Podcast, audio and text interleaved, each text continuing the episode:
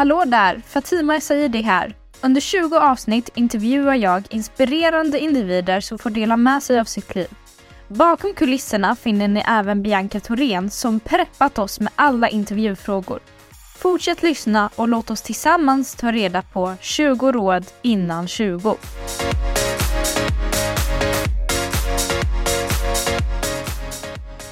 Med mig idag har jag Fadi Barakat. Hej Fadi! Hej Fatima! Hur mår du? Jo men jag var bra. Det har varit eh, en, en skön och lugn helg för min del så eh, jag känner mig väldigt utvilad och laddad för en ännu en spännande vecka. Ja men skönt att höra. Ehm, vem är du Fabi? Vill du berätta det lite? Oh, en bra fråga. Jag tycker alltid den är så svår att svara på. Vem är jag och vad är jag? Ja, jo men mitt namn är då Fadi Bakat. Jag är 39 år gammal, fyllde år faktiskt nu den 24 januari. Grattis! Eh, tack, tack, tack. Eh, och eh, ja, vem jag är, det, ja, den är så djup den frågan för mig och den är så komplicerad på så många sätt. Men jag är väl en människa som brinner för, för, för mänskligheten på olika sätt. Jag vill liksom vara en, eh, en positiv kraft under min tid här på jorden. Så skulle jag nog vilja definiera mig själv. Mm. Um, till vardags så jobbar jag som eh, affärsutvecklare, näringslivsutvecklare på Malmö stad eh, och jobbar också en hel del som eh, styrelseledamot i Svenska Röda Korset. Eh, en fantastisk organisation som verkligen gör skillnad på riktigt på olika sätt. Ehm, och sen så driver jag ett eget företag också eh, där jag utbildar och tränar företag och organisationer i mångfald och inkludering. Jättespännande ämne.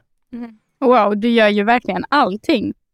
Ja, ja nästan. Jag, jag är inte blyg eller rädd för att prova nya saker, om man säger så. Nej. Eh, vi ska prata mer om dina olika yrken. Men jag tänker att vi kan börja med änden, vem var du som ung? Oh, bra fråga. Um, alltså jag var, jag, jag var väldigt målinriktad eh, som ung. Jag, jag visste rätt så tidigt på ett ungefär vad jag ville bli. Eh, jag hade rätt så höga ambitioner på mig själv. Ehm, och, eh, men, men var väl, jag var väl den, den lugna personen i klassen men som ändå var populär om man säger så. Så jag hittade väl någon balans i, i både lugnet och kaoset som det innebär att vara ung. Mm. Vilken inställning hade du till skolan?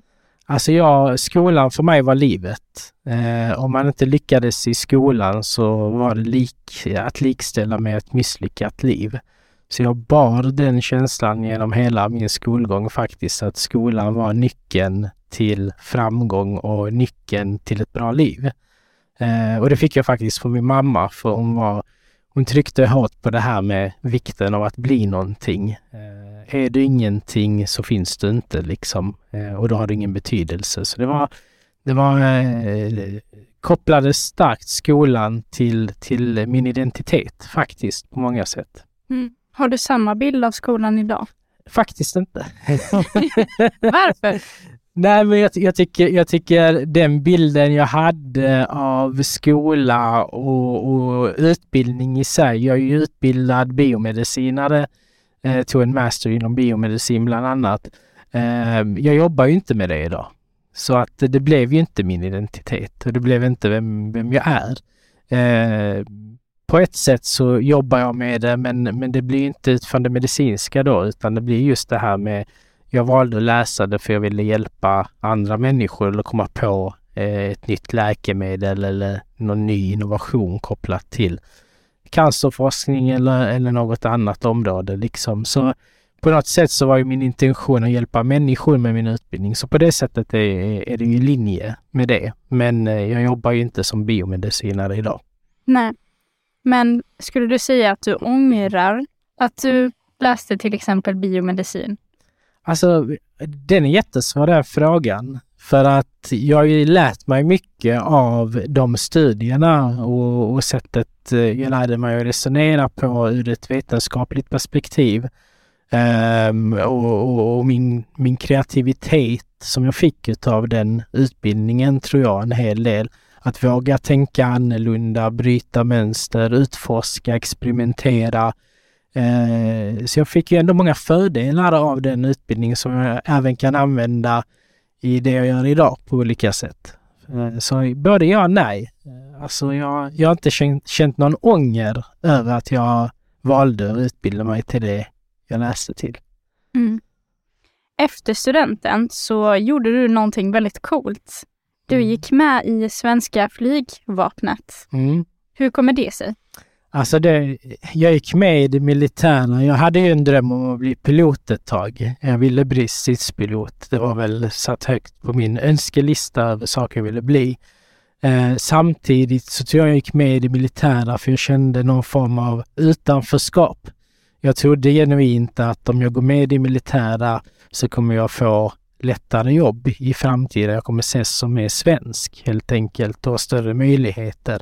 Och var jag fick den känslan ifrån, det kom ju från skolan, lärare, omgivningen, media, att vi som bodde i de områdena som inte var så populära sågs inte på samma sätt som andra. Eh, och vi var annorlunda. Det fick vi höra ofta. Så jag trodde, jag kände verkligen eh, lite press på att det var ett måste att göra det militära för att få chansen längre fram i livet på olika sätt. Känner du att du genom din, dina ungdomsår behövde försvenska dig själv lite? Egentligen inte försvenska mig själv. Det kände jag aldrig att jag behövde. Jag var, jag, jag var stark i min, i min identitet och vad jag stod för.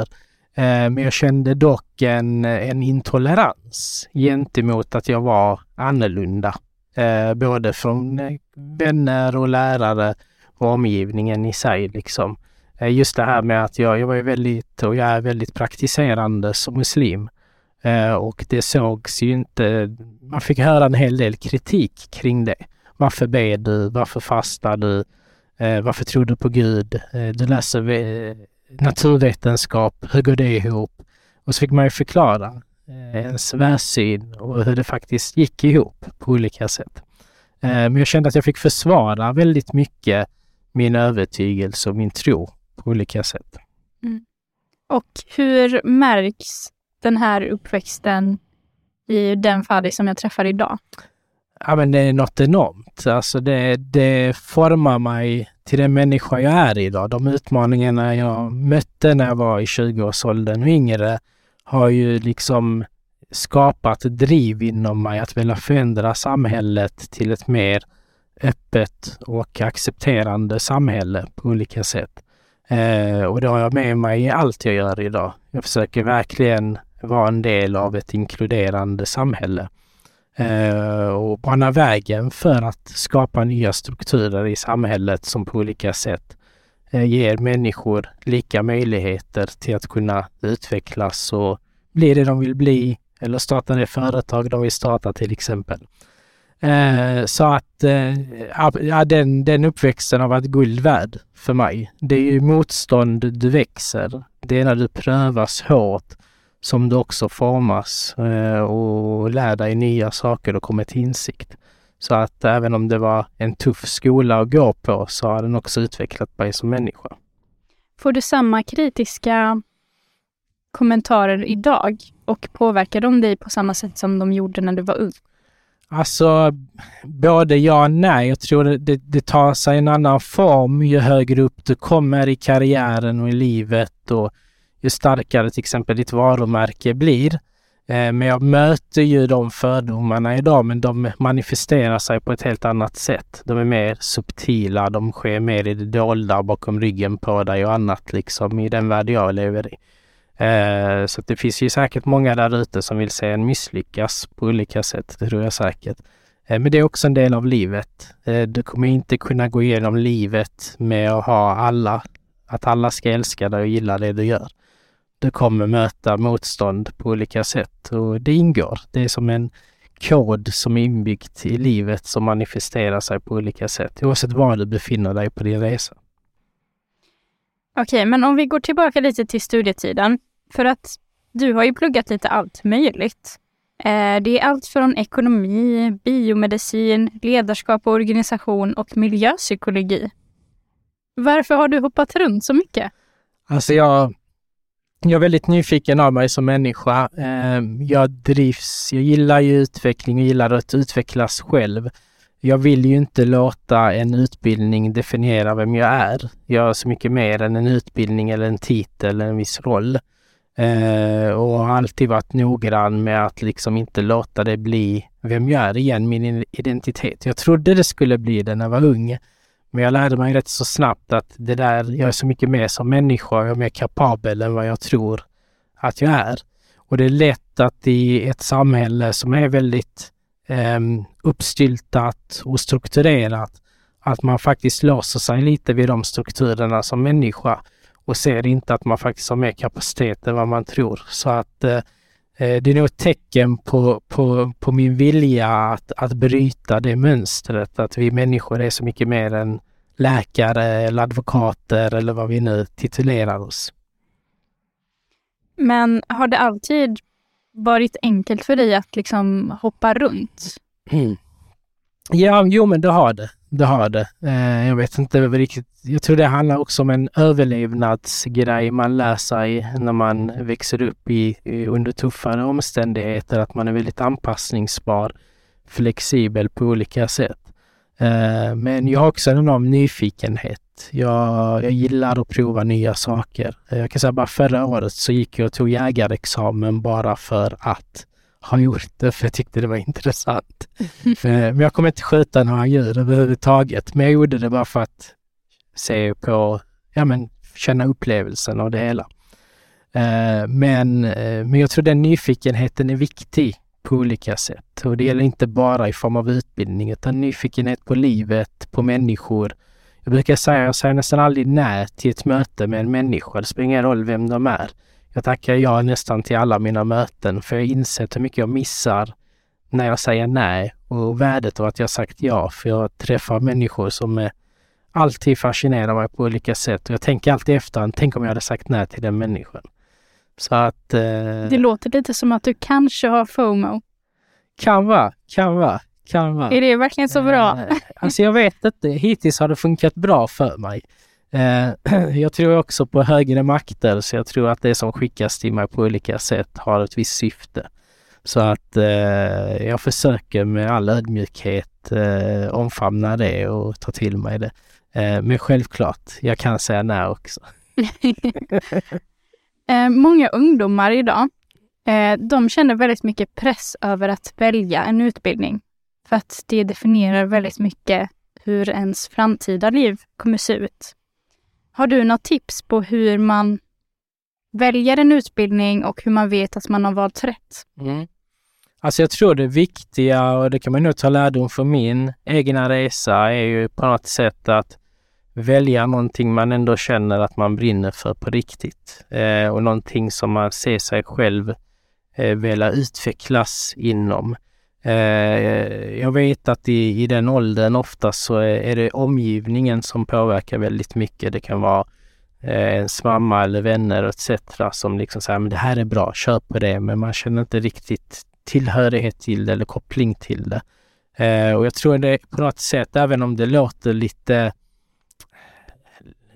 lite kliché i det hela så, så tror jag ändå att det är viktigt att man väljer någonting man kan, man kan på något sätt visualisera sig eh, i och, och tro på i slutet av dagen. Det kommer ge mer värde åt den. För väljer du fel så kommer du inte hålla länge inom det och då kommer du byta och du kommer göra annat så småningom. Så att eh, om jag skulle ge råd till mig själv igen så hade jag nog försökt göra den, eh, den eh, jag hade nog tänkt till på djupare nivå kring, eh, kring eh, utbildning i relation till vem jag är. Eh, och vad jag har min passion någonstans och vad mitt hjärta slår för på olika sätt. Sen är det inte så enkelt. Alla har inte den möjligheten till att kunna välja det de brinner för, för att vi har ju också ett betygssystem som hindrar det baserat på liksom hur duktig du var på, i skolan etc. Vilket är delvis synd tycker jag, för att det kan vara människor som kanske har lite sämre betyg men som brinner verkligen för biologi eller människokroppen eller människan som kanske hade blivit helt utmärkta psykologer på grund av att de har den passionen. Medan andra kanske bara var duktiga i skolan och kom in som läkare men egentligen så brinner de inte för det fullt ut. Så att eh, vi har ju också en struktur som jag tycker är lite problematisk faktiskt. Mm. Tror du att det finns sätt att komma runt den strukturen? Mm. Ja, det tror jag. Jag tror man hade kunnat man, man kunde ha, ha grundkrav, men just det här med betyg, snitt i sig, hade man kunnat eliminera och kört med liksom tester, psykologitester, personlighetstester, motivationstester etc. Och istället baserat uttagningen mer på de grunderna. Givet att man har liksom grundnivån eh, på det hela liksom. Mm. Yes. Jag tänker att vi kan prata lite om eh, vad du gjorde efter att du studerade biomedicin. För visst forskade du lite om cancer? Mm, mm. det stämmer. Eh, jag gjorde, gjorde faktiskt mitt eh, mastersarbete eh, med fokus på eh, en speciell gen, CYP1-genen, eh, som är då en tumörsuppressor gen kan man säga som man hade upptäckt var avstängd i bland annat bröstcancer. Eh, så jag tittade på den genen, försökte utforska varför den var avstängd eh, och det fanns där kopplingar mellan då arsenik som bland annat finns i ris och arseniks förmåga till att kunna stänga av den genen. Eh, och en tumörsuppressorgen kanske inte man riktigt vet vad det är, men den har ju en funktion att förhindra eh, den producerar ett visst protein som förhindrar cellen från att bli en cancercell, kan man säga. Mm. Den här tiden där du forskade, vad har det gjort med, med dig? Nej men det var, en, det var en häftig värld att komma in i och, och förstå att det är mer komplext. Eh, forskning i sig är, är väldigt eh, komplext och man, man är en del av ett större pussel man lägger ett pussel tillsammans med fler. Eh, och, och, det är ett arbete som görs i ett team. Eh, allt gör man tillsammans på något sätt och det lärde mig mycket om det här att eh, framgång har du tillsammans med andra. Det bygger du tillsammans med andra. Det är inte en, en, eh, någonting man bara gör själv. Det finns ett värde i att göra det tillsammans med, med andra. Mm.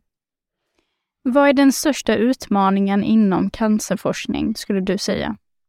Oh, nu, nu, var inte jag så länge i den världen, eh, men eh, jag kan ju uppleva, det, det, det, finns ju både en fördel och en nackdel med det, men jag kan ju ta ett exempel eh, som jag, som hände mig när jag eh, jobbade i labb. Jag fick ju en, en lite halvgalen idé eh, när jag, när jag eh, forskade då med de här cancercellerna eh, och bestämde mig för att göra ett litet eget experiment, vilket man inte riktigt får göra utan det finns ju etikråd och annat som ska liksom eh, godkänna att man får lov att göra viss forskning.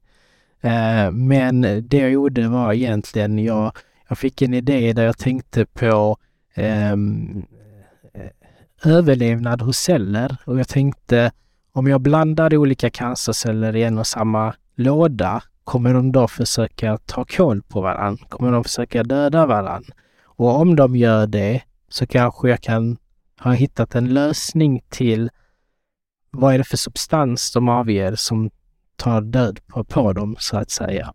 Eh, och mycket riktigt så hände det. Jag blandade cellerna och alla celler dagen efter var döda. Och, och, och i det ligger ju någonting har ju hänt och det hade man kunnat forska vidare inom. Um, och jag fick höra faktiskt många, många år senare att det var en forskare i USA som hade just gjort detta. Uh, så det är lite ont. Mm. med, med, med just det här flexibiliteten och öppenheten kan begränsas av byråkratin och, och regelverket. Eh, sen finns ju regelverket också till av ett syfte, men jag hade nog velat se mer öppen eh, med öppenhet för att utforska och experimentera i den världen. Mm. Det låter lite som en risktagare som bara blandar in massa celler. risk är en viktig del, en viktig komponent i livet. Du måste våga och du måste våga utmana och bryta mönster. Eh, det är så lätt att göra som alla andra har gjort hela tiden, eh, men då är resultatet oftast detsamma. Så jag tror en del av livet är också att våga riska och våga misslyckas. Eh, för det är så många också lyckas, genom att de väljer att ta risker och göra saker annorlunda många av de stora upptäckterna i världen har ju gått till lite av en, av en slump eller ja, det var inte riktigt meningen att vi skulle hitta det där på det sättet. När var senaste gången du bröt mot ett mönster? Ja, jag gör det hela tiden, måste jag säga. Jag, jag är lite av en rebell på många sätt, eh, men eh, jag gillar inte att gå i andras fotspår på det sättet, om vi säger så. Jag gillar att göra, komma på saker och ting själv. Eh, jag läser inte mycket böcker, ska du veta. är både fördel och nackdel, men jag, jag vill inte bli för påverkad heller av andras sätt att se på saker och ting. Jag vill själv upptäcka och dra mina egna slutsatser eh, kring, kring livet. Eh, så att, eh, och det är bara en fördel och en nackdel. Eh, jag säger inte att man inte ska läsa böcker, det ska man göra, det är jättebra. Eh, men jag läser inte romaner om vi säger så. Jag kan läsa andra böcker men... Okej. Okay. Du har ju verkligen en imponerande karriär. Du sitter i styrelsen för Röda Korset och det har du gjort i snart två år. Sen är du även VD för Barakat Consulting eh, och du arbetar som Business Development Manager för Malmö stad. Har jag rätt? Ja. Min fråga är då, när sover du? Alltså jag sover jättebra. Jag sover ungefär åtta timmar per dag. Eh, jag har inga sömnproblem överhuvudtaget, aldrig haft. Eh, alhamdulillah, jag tackar Gud för det. Men jag är väl, hur ska jag säga, Eh, jag gör det jag brinner för. Och när du gör det du brinner för så är det inte riktigt särskilt, det, inte, sliter inte på dig på samma sätt. Om du jobbar med någonting du inte riktigt tycker om då förbrukas du väldigt snabbt och du slits av det. Eh, men jag, jag har alltid valt att jobba med det jag brinner för och tycker är kul. Så att eh, för mig, för mig har det aldrig varit, jag har aldrig gått in i väggen till exempel, om man säger så. Eh, men visst, ibland kan även det du brinner för ta mycket energi. Det kan jag erkänna. Men jobbar du mer än 40 timmar i veckan eller hur ser ja, det ut? Ja, det gör jag. Det gör jag nog lätt, det skulle jag säga. Eh, med 40 timmar i veckan. Men, men det är genast så här, allting är så här relativt. Vad är ett jobb? När jobbar du, när jobbar du inte? Alltså du kan ju jobba när du sitter hemma i soffan och tittar på TV. I din hjärna tänker du på massa saker som du skulle vilja göra. Är det ett jobb? Det kan vara jobb i sig. Eh, men det är därför jag tror, jobbar du med sånt som du brinner för så blir det ju inte riktigt som ett jobb. Det, det blir en livsstil. Det blir en livsstil. Ja, så ska jag nog säga. Mm. Bra, bra sagt. jag fattar. Men vad gör du för att åtminstone liksom hitta någon typ av balans? Alltså balansen ligger ju i att, att göra det som du brinner för, tror jag. I det ligger en viss balans. Ett annat är ju att se till att träna. Eh, går ungefär 10 kilometer varje dag, mellan 10-15 kilometer. Jätteskönt. Då slappnar man av, man tänker på annat, man får en del av naturen. Eh, och samtidigt är det bra för hälsan. Eh, och ett jättebra sätt att gå ner i vikt på om man vill det. Eh, det är bland det bästa sättet att gå ner i vikt på, bara gå ut och gå. Gå 10 000 till 15 000 steg om dagen så kommer du gå ner i vikt kan jag säga. Eh, och det är kul samtidigt. Man upptäcker saker längs med vägen och man reflekterar även där. Jag jobbar där även ibland. Jag tar, jag tar de långa samtalen och det vet de som känner mig. Eh, att ja, nu, nu är han ute och går så nu kan man prata med honom länge så att det är, väl, det är väl en sak jag gör och sen unnar jag mig väldigt mycket saker och ting. Alltså jag ser till och njuter av livet på olika sätt. Reser, har kul, skämmer bort mig själv med god mat och annat. Så att jag försöker ändå leva livet till max. Och du hade sagt upp dig den dagen du tyckte att ja, ja, någonting ja, ja. inte är roligt längre? Ja, ja, jag hade slutat på dagen. Mm. ja, det hade jag gjort. Jag hade inte klarat av det som människa. Det har inte varit hållbart på något sätt. Eh, en annan sak som också ger mig jättemycket återhämtning, kanske mer än promenader och god mat och, och resor, det är ju det själsliga. Eh, det är ju i min bön finner jag lugn och ro. Eh, älskar att gå på fredagsbön. Det är ju liksom bland, jag blir så laddad som människa inifrån kring det. Eh, så mycket kring eh, de själsliga ritualerna och de här bitarna eh, ger mig enormt mycket energi och styrka faktiskt. Och återhämtning. Mm. Jag tycker det är någonting vi glömmer bort i modern tid. Det är väldigt mycket det materialistiska och, och det världsliga men det är väldigt lite fokus på det inre, eh, själen. Och jag tror att människan behöver mer av det faktiskt. Pratar du öppet om din religion eller har du någon gång känt i ditt liv att du liksom vill hålla undan det? Nej, faktiskt inte. Alltså jag, är, jag är stolt över, över min religion. Jag, jag känner enorm styrka i den, en enorm trygghet i den eh, och inte rädd för att prata om den. Eh, jag, jag brukar ju skryta om att jag aldrig har rökt eller druckit till exempel någonsin i mitt liv. Eh, någonting jag är enormt stolt över. Liksom, eh, både utifrån ett hälsoperspektiv men också utifrån min tro. Liksom. Eh, men eh, nej, men jag, jag är väl öppen om det och känner en stolthet kring det. Jag räds ingen när det kommer till min tro. Liksom. Du sitter som sagt med i styrelsen för Röda Korset. Kan du beskriva dina arbetsuppgifter där?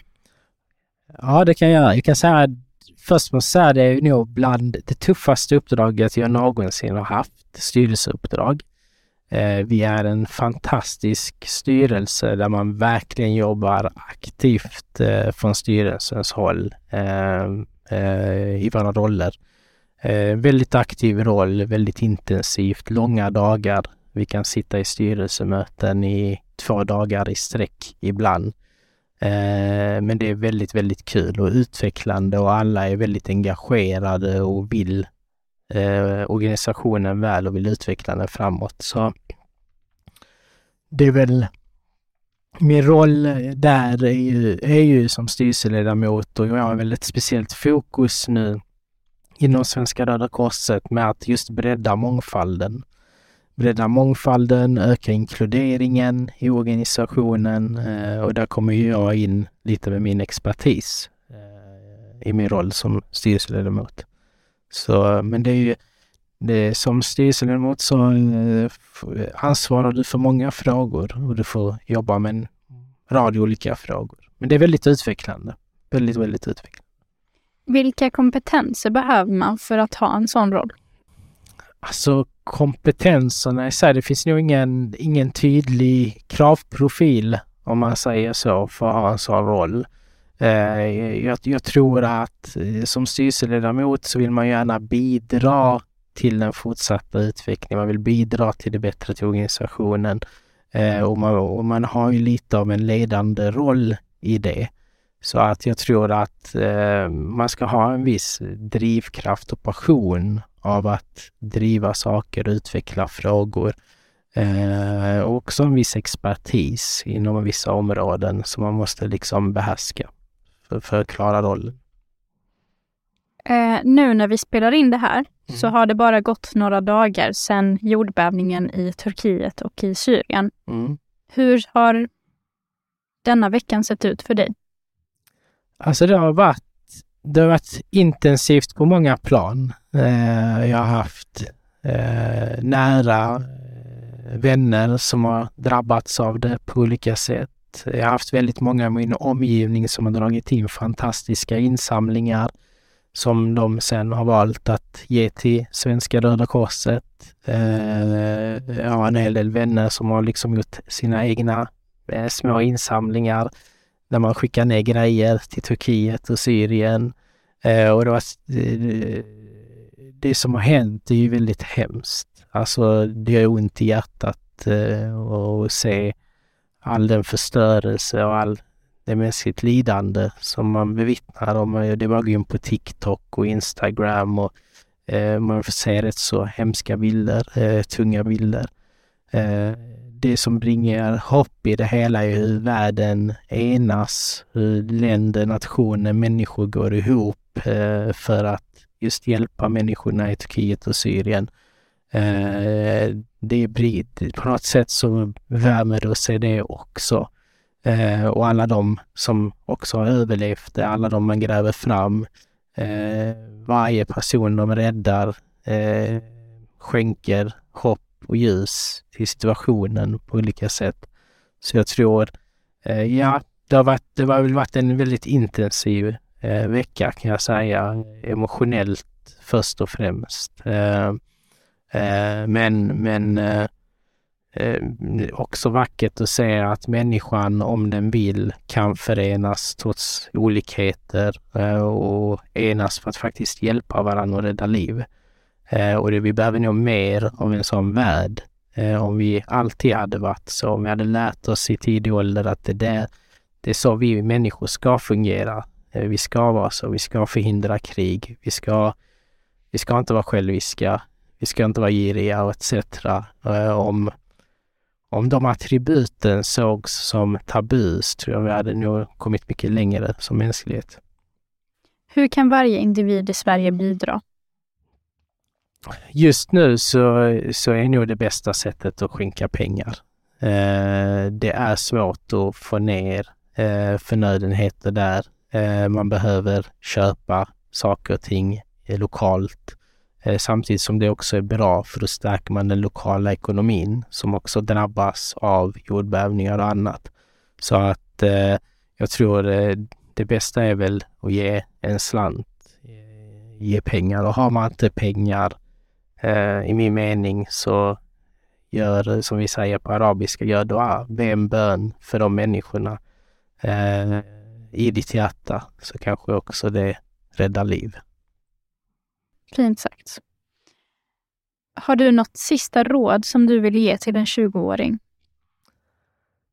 Ett sista råd, eh, det är väl om jag hade gett råd till mig själv igen, om vi backar tillbaka nu, så tror jag att man tror att man vet åt vilket håll man ska. Eh, och ibland, som i mitt fall, så visste jag det tidigt. Eh, men jag kommer göra någonting helt annat. Så att livet kan också ta dig på andra resor än vad du tror du själv ska ta, så att säga. Eh, och, och, ha också lite förtroende och tillit till den processen. Eh, men gör ditt bästa, kämpa, bli någonting, utbilda dig, alltid bra givetvis baserat på vad du vill bli och vad du brinner för. Eh, och sen var en god människa, eh, var ödmjuk, eh, gör saker tillsammans med andra eh, och ta risker. Det låter bra. Tack så mycket Fadi. Tack själv.